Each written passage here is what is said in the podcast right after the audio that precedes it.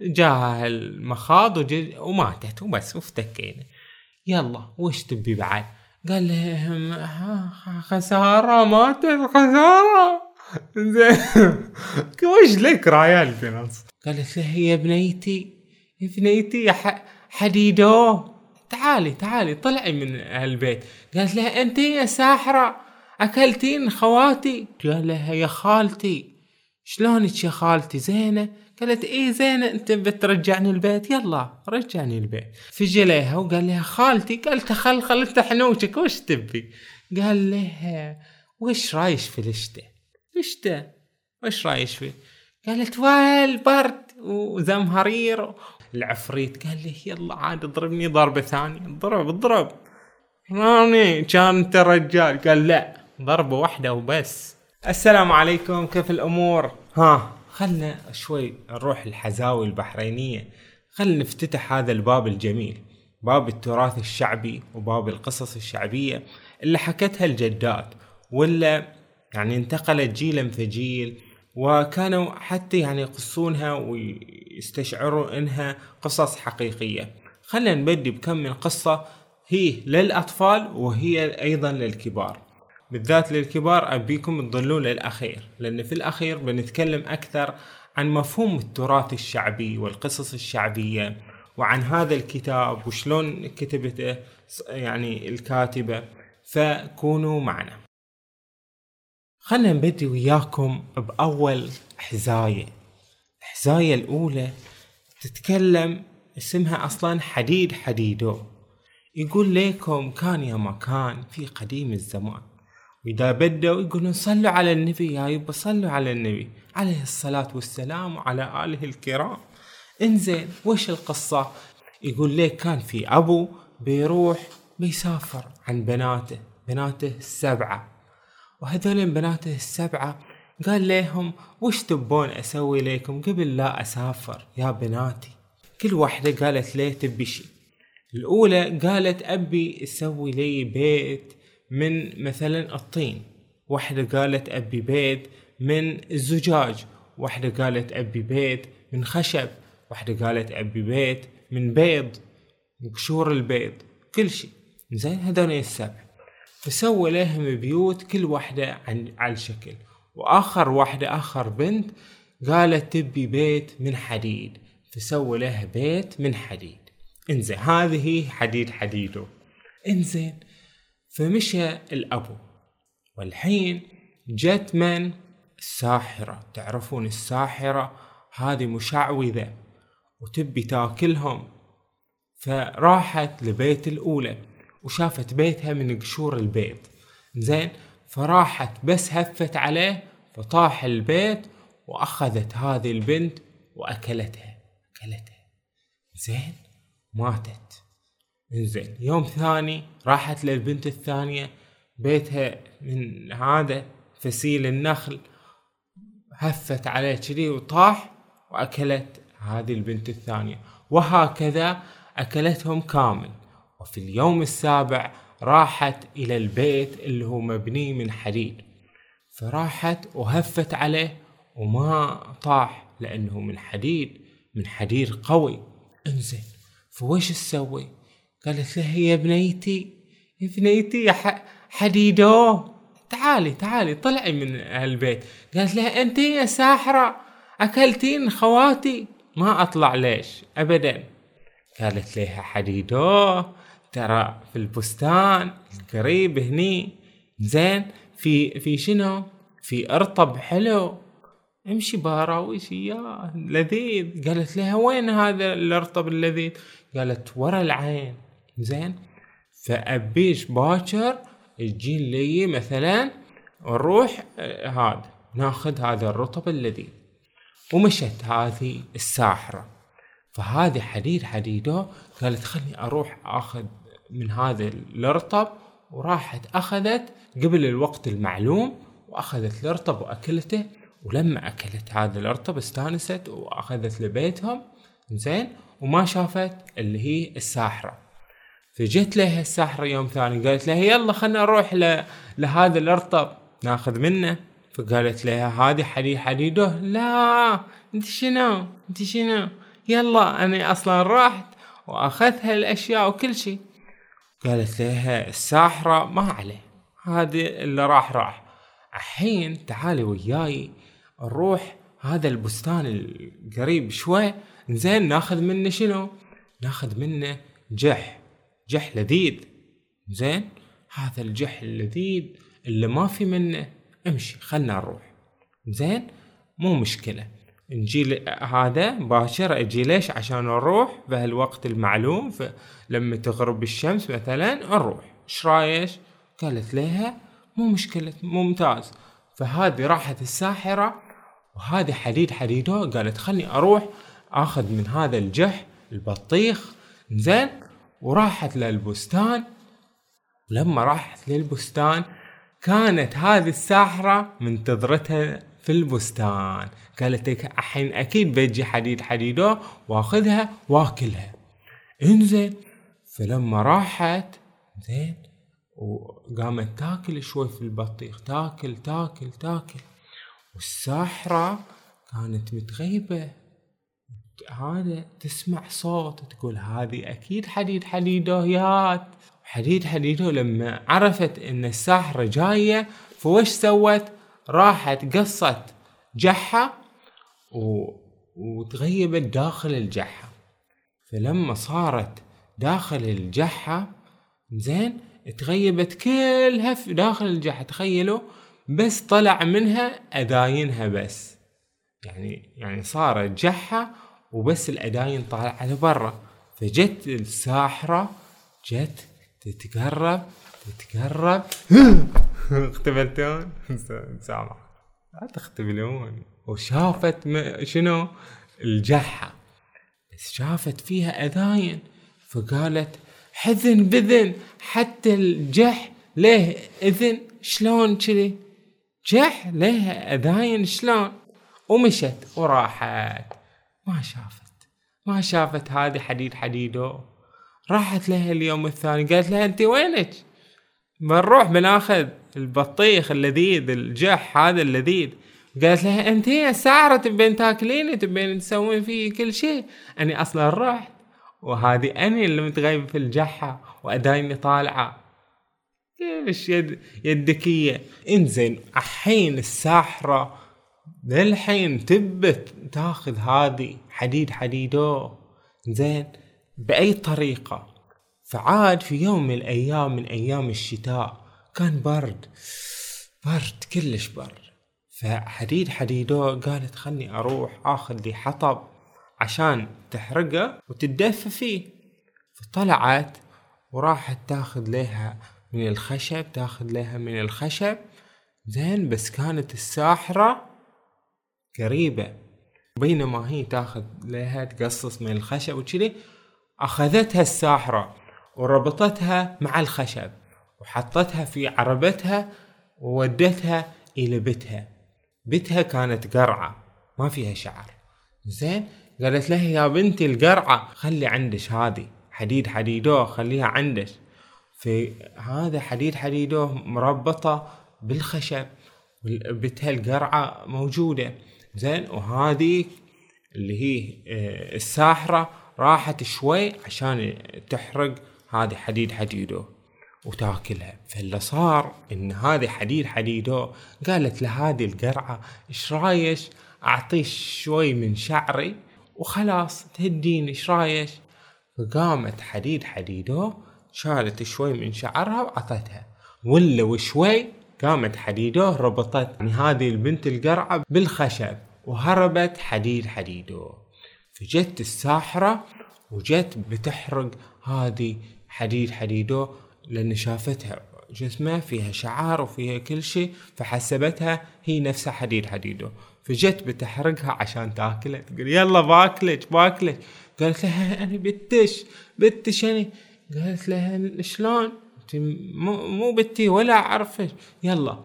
شوي ولا صك تشيل شعرها القرعة وتبين إن هي القرعة مو مو هذه مو حديد حديدو. فبالتالي هذه الساحرة شافت بنتها كذي. قالت آه كنت بحرقك. ما يصير كذي.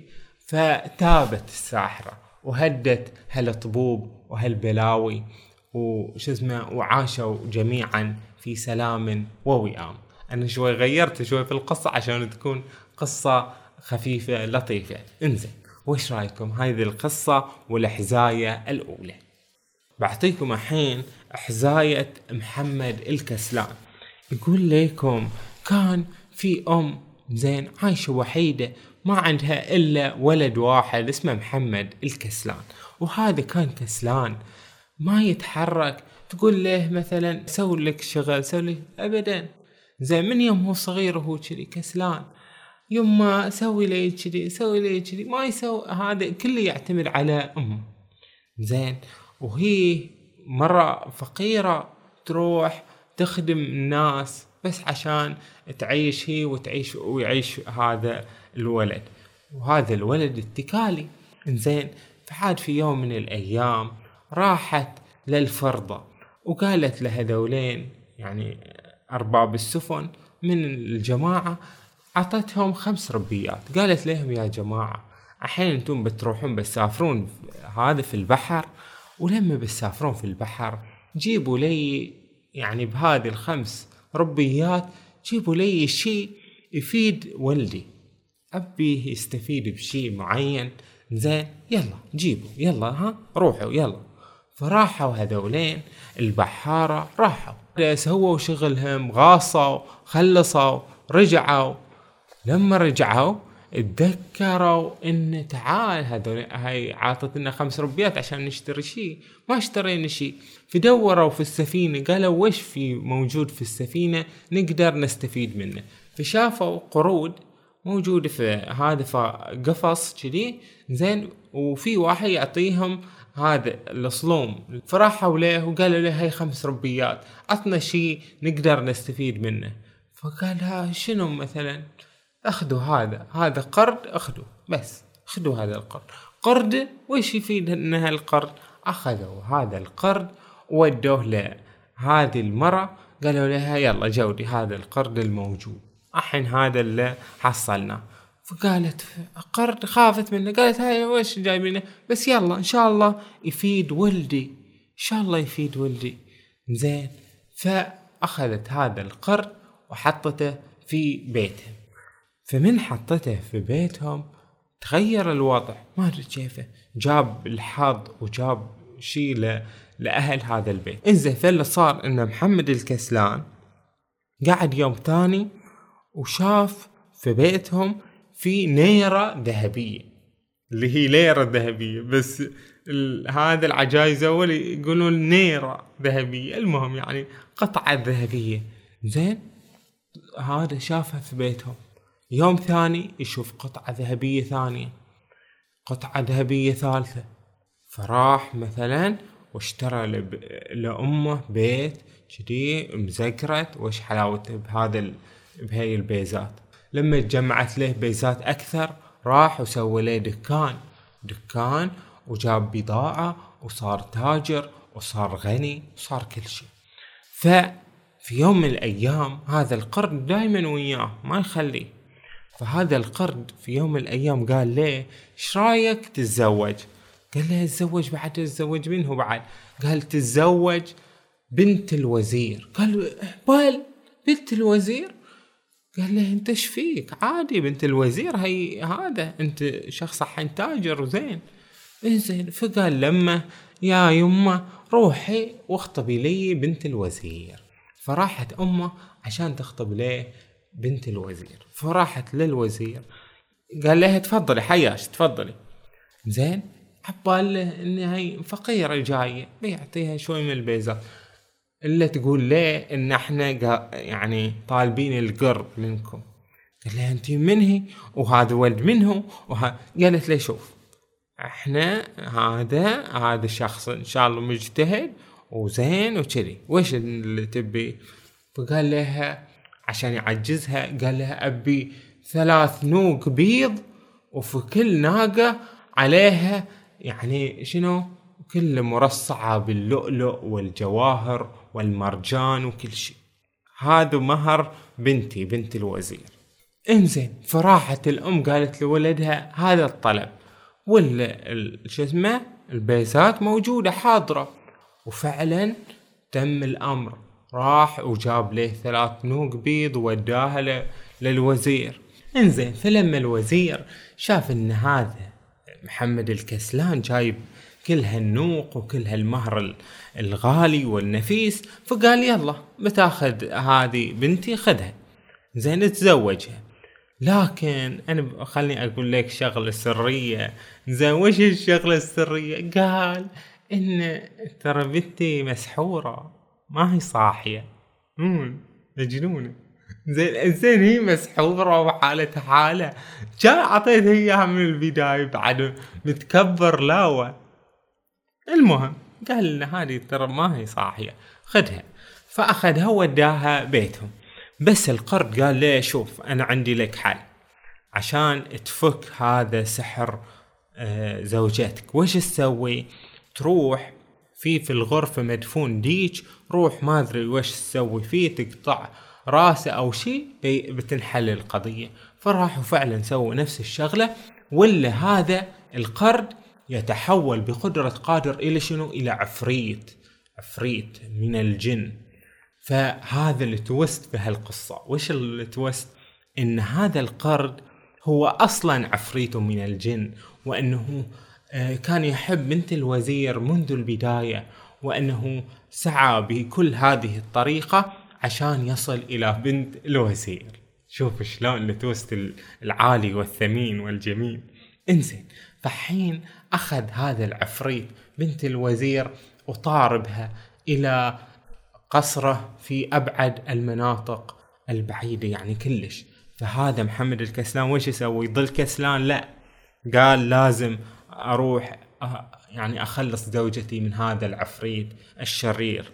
فقطع الفيافي والوديان وسلك الصحاري والغابات والشطآن. لما وصل إلى حيطان وإلى جبال وإلى حصون تجاوزها حتى وصل إلى قصر هذا الجني هذا العفريت.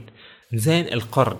زين فلما وصل إلى قصره زين وتسلل ووصل إلى الغرفة شاف بنت الوزير اللي هي زوجته وقالت له تعال الحين أنا عندي لك الحل. شفت هذا السيف المعلق على الجدار؟ أخذه بيمناك. فأخذه كذي وقالت له تضرب العفريت ضربة واحدة فقط لأن ضربة ثانية راح تخليه يحيى من جديد فلازم تضربه شنو؟ ضربة واحدة. فأخذ السيف كذي وجاه العفريت. يضر هذا يحاول وهذا العفريت يتعفرت رايح فوق جاي تحت ما ينصاد. لما أخذ يعني هذا السيف وضرب ال- العفريت ضربة نجلاء قصمت ظهره زين لما هذا العفريت قال له يلا عاد اضربني ضربة ثانية. اضرب اضرب راني كان انت رجال قال لا ضربة واحدة وبس. الحين انت بتموت فأخذ هذا محمد اللي هو ال- الكسلان أخذ زوجته ورجع إلى بيته سالم غانم. ويعني عاشوا في سعادة وهناء إنزين شفتون شلون؟ هذه الحزاوي اللي نقلتها الدكتورة أنيسة فخرو. زين حزاوي أمي شيخة جدتها شيخة.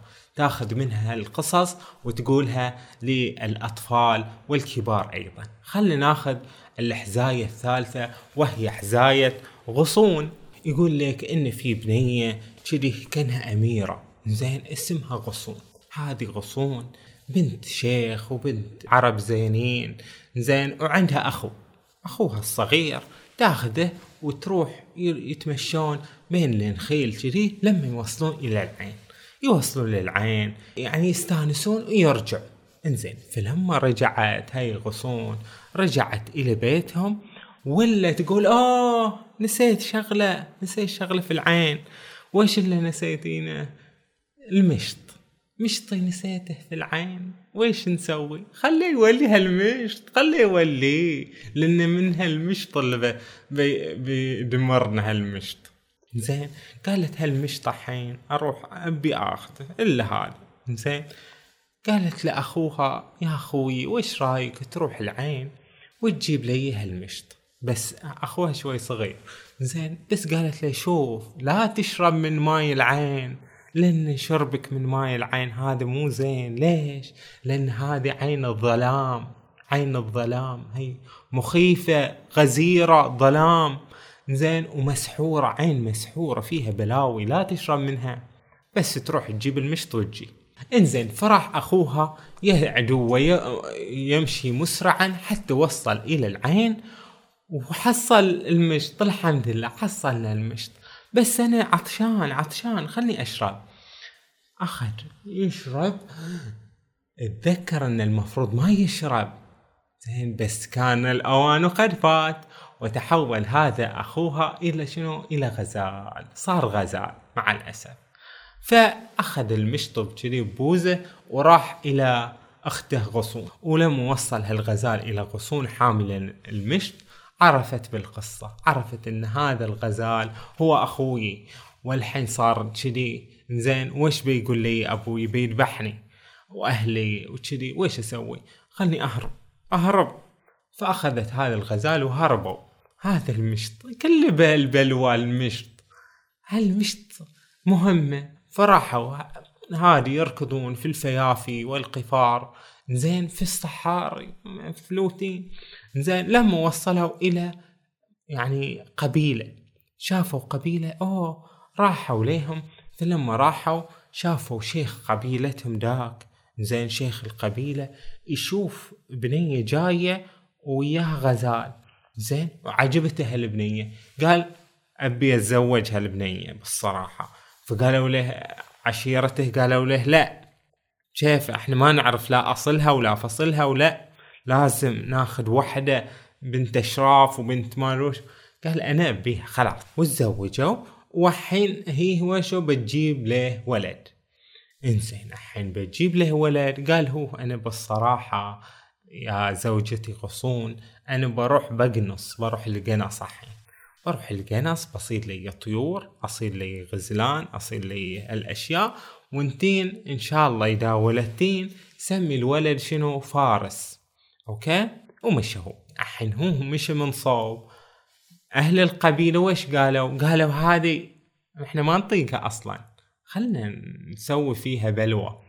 أخذوا غصون وراحوا العين وفلتوها في عين. عين ثانية غير ديك الأولى عين الظلام. إنزين فلتوها. والعين فيها شيء كذي متغصغص جفر. يعني إن لما انفلتت في العين عاشت. وعاشت في هالغار وكان الغزال زين يجيب لها شوي أكل. فعاشت. فلما جاء الشيخ بعدين جاء قال زين غصون زوجتي غصون وين هي؟ قالوا غصون وغصون. الحين وش ليك بغصون؟ غصون ماتت ماتت. الحمد لله. ماتت هي بالله في بطنها وبس افتكينا منها. هذا في الولادة جاها المخاض وماتت وبس وافتكينا. يلا وش تبي بعد؟ قال لهم خسارة ماتت خسارة. زين وش لك رايال في نص إنزين بس كان يشوف هذا غزال الغصون يرمح يركض الغزال. زين يسوي كذي هذا يقول له وش في هذا غزال غصون؟ زين وش في غزال غصون؟ يقول له عشر مرات غزال غصون غزال وش في غزال غصون؟ زين كذي هذا كان مستجن. قال له هذا ما أدري وش فيه خلنا نروح نذبحه وش رأيك؟ قال يلا بتذبحوا نذبحوا يلا جيبوا خلنا ناكله. راحوا يصيدون الغزال والغزال هرب افتلت وهم وراه لما وصل إلى العين. وصل للعين يقول يا يا غصون يا غصون بيذبحوني. وهي تقول وش أسوي وش أسوي اني مذبوحة هني. فالشيخ سمع غصون قاعدة تتكلم تقول هذا أولاد الشيخ موجودين وكذي. فطلعها وشاف غصون وشاف اولاده واستانس لأنهم أحياء وعاقب المجرمين اللي سببوا هالجريمة. زين وصاروا يعني مستانسين وانتهت القصة على سلام. وش رأيكم في القصة؟ عجبتكم؟ خلنا نعطيكم الحزاية الرابعة وهي حزاية جميلة. بعنوان شنو؟ المرأتين العيوزتين. هذه وش قصة العيوزتين؟ يقول لك في بيت من البيوت يعيش رجال ويا زوجته وأمهما. يعني أم الزوج وأم الزوجة. ولكن الزوجة وأمها واجد شريين. شريين مو كلش ما يتعاشرون. زين وهاي زوجته كلها تحن عليه. تقول له هذه أمك ما ابيها ما ابيها يلا ما ابيها طلعها طلعها طلعها. يوم يومين أقنعته إنه يطلع أمه. وهو بلا شخصية بلا آه، عاق لمه أخذ أمه ووداها وين الصحراء. فلتها كذي ومشى عنها. خلاها. فهي ظلت يعني مع الأسف هذه الام قاعدة في في الصحراء. لكن شنو؟ قلبها عامر بالإيمان مطمئنة مستانسة. تقول وش هذا مستانسه يعني ما كأنه ما مو متغير عليها شيء زين فجي لها رجال حكيم غريب. زين جو قال لها قال لها يا خالتي شلونك يا خالتي؟ زينة؟ قالت إيه زينة أنت بترجعني البيت. يلا رجعني البيت. قال لها يا خالتي إيش رأيك في هذا في الشتاء الشتاء وش رأيك فيه قال الله الشتاء جميل نقعد جنب الضوء الضوء يعني النار إنزين يحطون النار ويقعدون جنبها ونتدفى إن الشتاء عجيب ممتاز. إنزين قال لها وش رايك في الصيف؟ الصيف وش رايك فيه؟ قال الله الصيف جميل نروح العين نتسبح آه هذا نلبس ثياب جميلة الصيف جميل. يعني رأت الصيف جميل رأت الشتاء جميل. قال لها زين وش تشوفين حواليش؟ شافت حولها صحراء ما فيها شيء. زين بس شافت مثلا آه، شجرة مفلوتة. شافت هذا قالت أشوف شنو؟ أشوف جنة أشوف أنهار أشوف بلابل مغردة شوف كذي. زين شوف أشياء جميلة لأن هي ما شو متفائلة. فهي بنظرتها الإيجابية شافت أن الأمور جميلة والمكان جميل. فهذا الرجال الحكيم دعا وقال اللهم اجعل هذا المكان كما تقول كما تقول هذه المرأة. زين في يوم ثاني جاء ولدها جاء يشوف أمه وش صار فيها. فشاف إن أمه قاعدة في جنة ومستانسة وأنهار وبلابل وأشجار. تغيرت هذه الصحراء فصارت جنة مثل ما رأتها من هي هذه الأم. فالحين زوجته وأمها مغتاظين حاسدينها على هالشيء اللي صار لها. فقالت هذه أم الزوجة زين قالت خلني أني أروح العجوز الثاني. قالت خلني أني أروح صحراء وأشوف. فراحت الصحراء صحراء كذي زين وقاعدة. بس هذه العجوز وشو شرية ونكدية وترى الحياة كلها نكد وهم. زين فقاعدة كذي وجاها الرجال الحكيم في الليل. فجي لها وقال لها خالتي؟ قالت خل خل انت حنوشك وش تبي؟ قال لها وش رايش في الشتاء الشتاء وش رايش فيه قالت ويل برد وزمهرير وتكسر عظام وحالة يعني وش هالشتاء قال لها زين وش رايك في هذا في الصيف؟ قالت ابى الحر والتلزق وهالعرق وهالجفاف وهالرطوبة وش هالبلاوي؟ ما أبي. قال لها زين وش تشوفين حواليك؟ قال شو أشوف صحراء وذياب وضباع وبس. هذه الحياة اللي أشوفها. هاي اللي اشوفها قدامي. شوف سلبية. شوف الحياة بسلبية بقتامة. فقال دعا رفع ايده وقال اللهم اجعله كما تقول. هذه المرة ومشى عنها. يوم ثاني جت العائلة تشوف هذه العجوز ولا شافوها شنو؟ شافوها عظامة ماكلينها لذيابة والطباع فوش تقول لنا هالقصة الحكيمة؟ تقول كن جميلا ترى الوجود جميلا. أنت خلك متفائل. انت يعني لما تكون متفائل وتركز على الأشياء الجميلة بشوف إن وين شو إن حياتك كلها صارت جميلة. ها مثل قانون الجذب. هذا الحين يقول لك قانون الجذب نفس الفكرة. أنت تجذب لك الأشياء الجميلة وكذي. ولكن بعيدا عن قانون الجذب هذه حكمة الأقدمين. وحتى يعني لها شواهد دينية. وكما نعرف تفاءلوا بالخير تجدوه وأنا عند حسن ظن عبدي بي. فهكذا كانت هذه الحزاوي. الحزاوي يعني والقصص الشعبية التراثية هي إرث إرث عالمي زين. وموجود كل شعب له له قصصه زين. والقصص هذه تعبر عن معيشتهم وتعبر عن يعني الصراعات اللي تجري والطبقية اللي موجودة ويعني أشياء واجد ما تقال بشكل مباشر بس تفهمها من خلال الناس. زين تفهم واقع الناس وحياتهم. وهي تعبر عن حكم الناس المتأصلة كما خبروها في حياتهم فكتاب مثل هذا حزاوي أمي شيخة اللي كتبته الدكتورة أنيسة فخرو وجمعت فيه مئة قصة وقصة. زين في أربعة مجلدات. زين وهناك كتب أخرى أيضا توثق التراث الشعبي في البحرين القصص الشعبية أقصد مثل آه يعني ما كتبه الأستاذ فؤاد الخور زين ومثل القصص الشعبية البحرينية اللي كتبتها الدكتورة ضياء الكعبي وهي دكتورة موجودة في جامعة البحرين عبر مشروع يعني لافت وجميل إن هي استعانت بالطلبة زين الطلبة يعني كأسايمنت عليهم إنهم يسوونه إنهم يروحون ل... لواحد من عائلتهم يعني جدة أو شيء يعني واحد كبير فيخلونه يقص عليهم قصة وهم يوثقون هذه القصة. فجاءت الموسوعة فيها ألف قصة وقصة من ال يعني من جمع الطلبة من أهاليهم. زين فكانت يعني قصص جميلة وبعضها نعرفها في سيترا مثلا انتيف انتيفان أحمارة القايلة وكذي. يعني هاي القصص ترى يعني قصص متأصلة ومتجذرة في وجدان الناس. زين.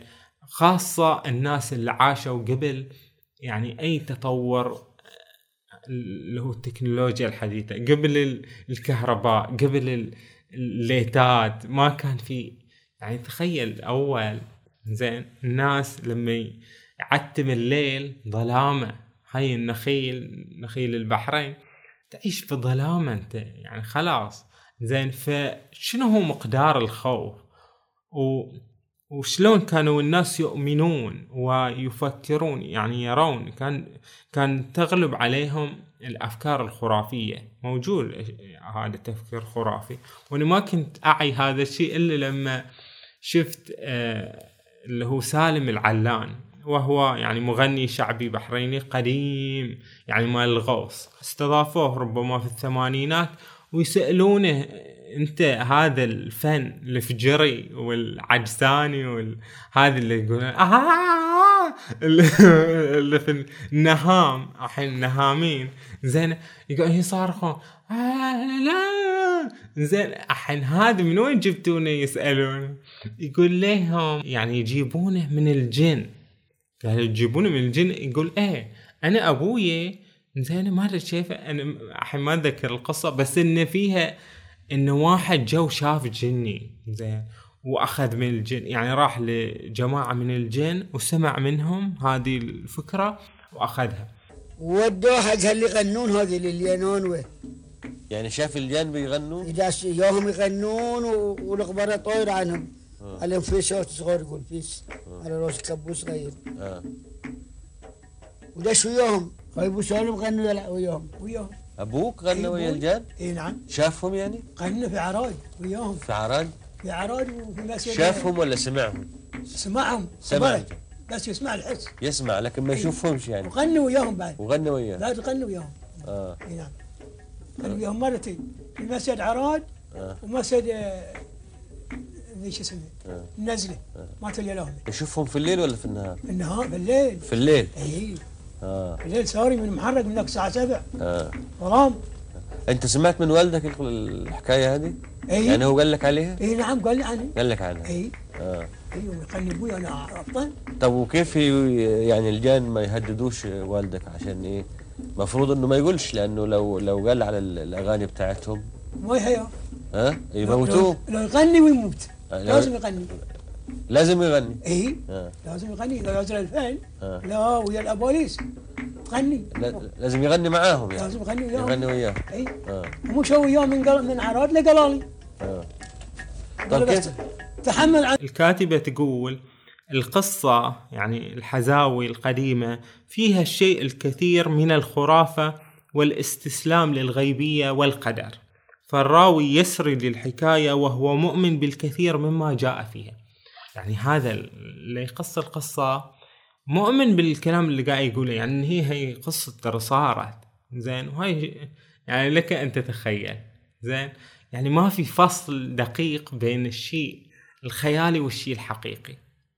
والسامع يسمعها مصدقا لأغلب ما سمعه. يعني صدق إن حديد حديده تغيبت في هذا في الجحة وطلع منها بس أذاين. صدق هذا شيء ممكن ممكن إنه يصير. صدق إن الساحرة موجودة صدق إن حمارة القايلة موجودة يصدقون بمثل هالأشياء. يعني أو يخافون منها أصلا يعني. يعني يخافون من إن في هذا في وحدة ساحرة مثلا. أو إن هذه الجن العفاريت الكذي كانت موجودة و يعني يخافون منها وعايش في في حياتهم أكثر من زمان الحالي. يعني زماننا الحالي يعني ما أشوف أحد يقول مثلا هو شو انه بيت مسكون مثلا هني أو انه طلع علي جني وكذي. أكيد إن إحنا كلنا نؤمن بوجود الجن. هذا الشيء مفروغ منه. بس انه صار يعني في وعينا الحالي إن الجن مفارقين بعيدين شيء ما نشوفه. شيء يعني ما نتواصل وياه أصلا ولا هذا هم خلق آخر في مكان آخر في بعد آخر. زين. أما في الزمان هذا الماضي كانوا يحسون بقرب الجن أكثر. ولأنهم أيضا كما قالت الكاتبة ما يعرفون الأسباب الحقيقية للكثير من الظواهر العلمية والاجتماعية. ما يعرفون الأسباب الحقيقية وراءها. فيفسرونها بتفسيرات شوي تكون بعيدة. يعني آه، مثل أول إذا واحد مريض عنده مرض نفسي عنده شيء تقول إن هذا هذا فيه جني ويروحون يضربون الضرب عشان هذا يطلعون الجني وهو في مرض نفسي. وهي القصص يعني في غالبها حدي يعني الشرير شرير مئة بالمئة والخير خير مئة بالمئة. زين نماذج كذي زين ولأن المستمع للقصة يروح يعني يتقمص هذا الشخص الطيب يعتبره كأنه يعيش في مركبته في القصة زين ويتجول معاه ويخاف لما هذا البطل يخاف وينتصر لما البطل قاعد ينتصر. ولا شك أن المرأة هي من أبدعت هذه القصص ومن يعني كانت الدور الرئيسي يعني في كتابة هالقصص هي المرأة. زين؟ من كذي إحنا ناخذ هاي القصص من الجدات. زين؟ وليس من الأجداد. لأن المرأة لديها حس فني. زين؟ في الحكاية في إضافة الروح. زين؟ لأن الرجال مثلا ممكن يبني لك بيت. بس المرأة هي اللي يعني تجعل من هذا البيت فيه روح. فتقول الكاتبة إنني أقدم هذا العمل. لا تخليدا لجدتي فحسب. جدتها اللي قصت عليها كل هالقصص الجميلة شيخة بنت عبد الملك. بل لأنني أرى فيها كل الجدات الطيبات وما يمثلنه من معاني نبيلة فهن الأصالة والجذور والمنهل والمحبة والعطاء والصبر وكل شيء جميل. تتحدث عن الجدات لأنها عاصرت يعني هذه الحقبة. يعني جدتها مولودة 1917 هؤلاء الذين عاشوا قبل النفط وقبل الكهرباء والمصباح الكهربائي وأي تكنولوجيا جديدة زين. ونشأوا كما نشأ أسلافهم القدماء. ليهم روح وليهم يعني إرث كان لازم يعني يوثق وهذه الدكتور وثقته. هي قالت إنني أؤمن تماما بالمقولة غير معروفة المصدر اللي تقول إن كل شخص مسن يموت تموت وتندثر معه مكتبة ثمينة بأكملها. وتكمل الدكتورة فتقول لقد مثلت هذه الحكايات طفولتي كلها وجعلتني أغفو على حلم وأصحو على حلم آخر. لقد هفهف الحنان على نومي من خلالها وغفت الأحلام على وسادتي.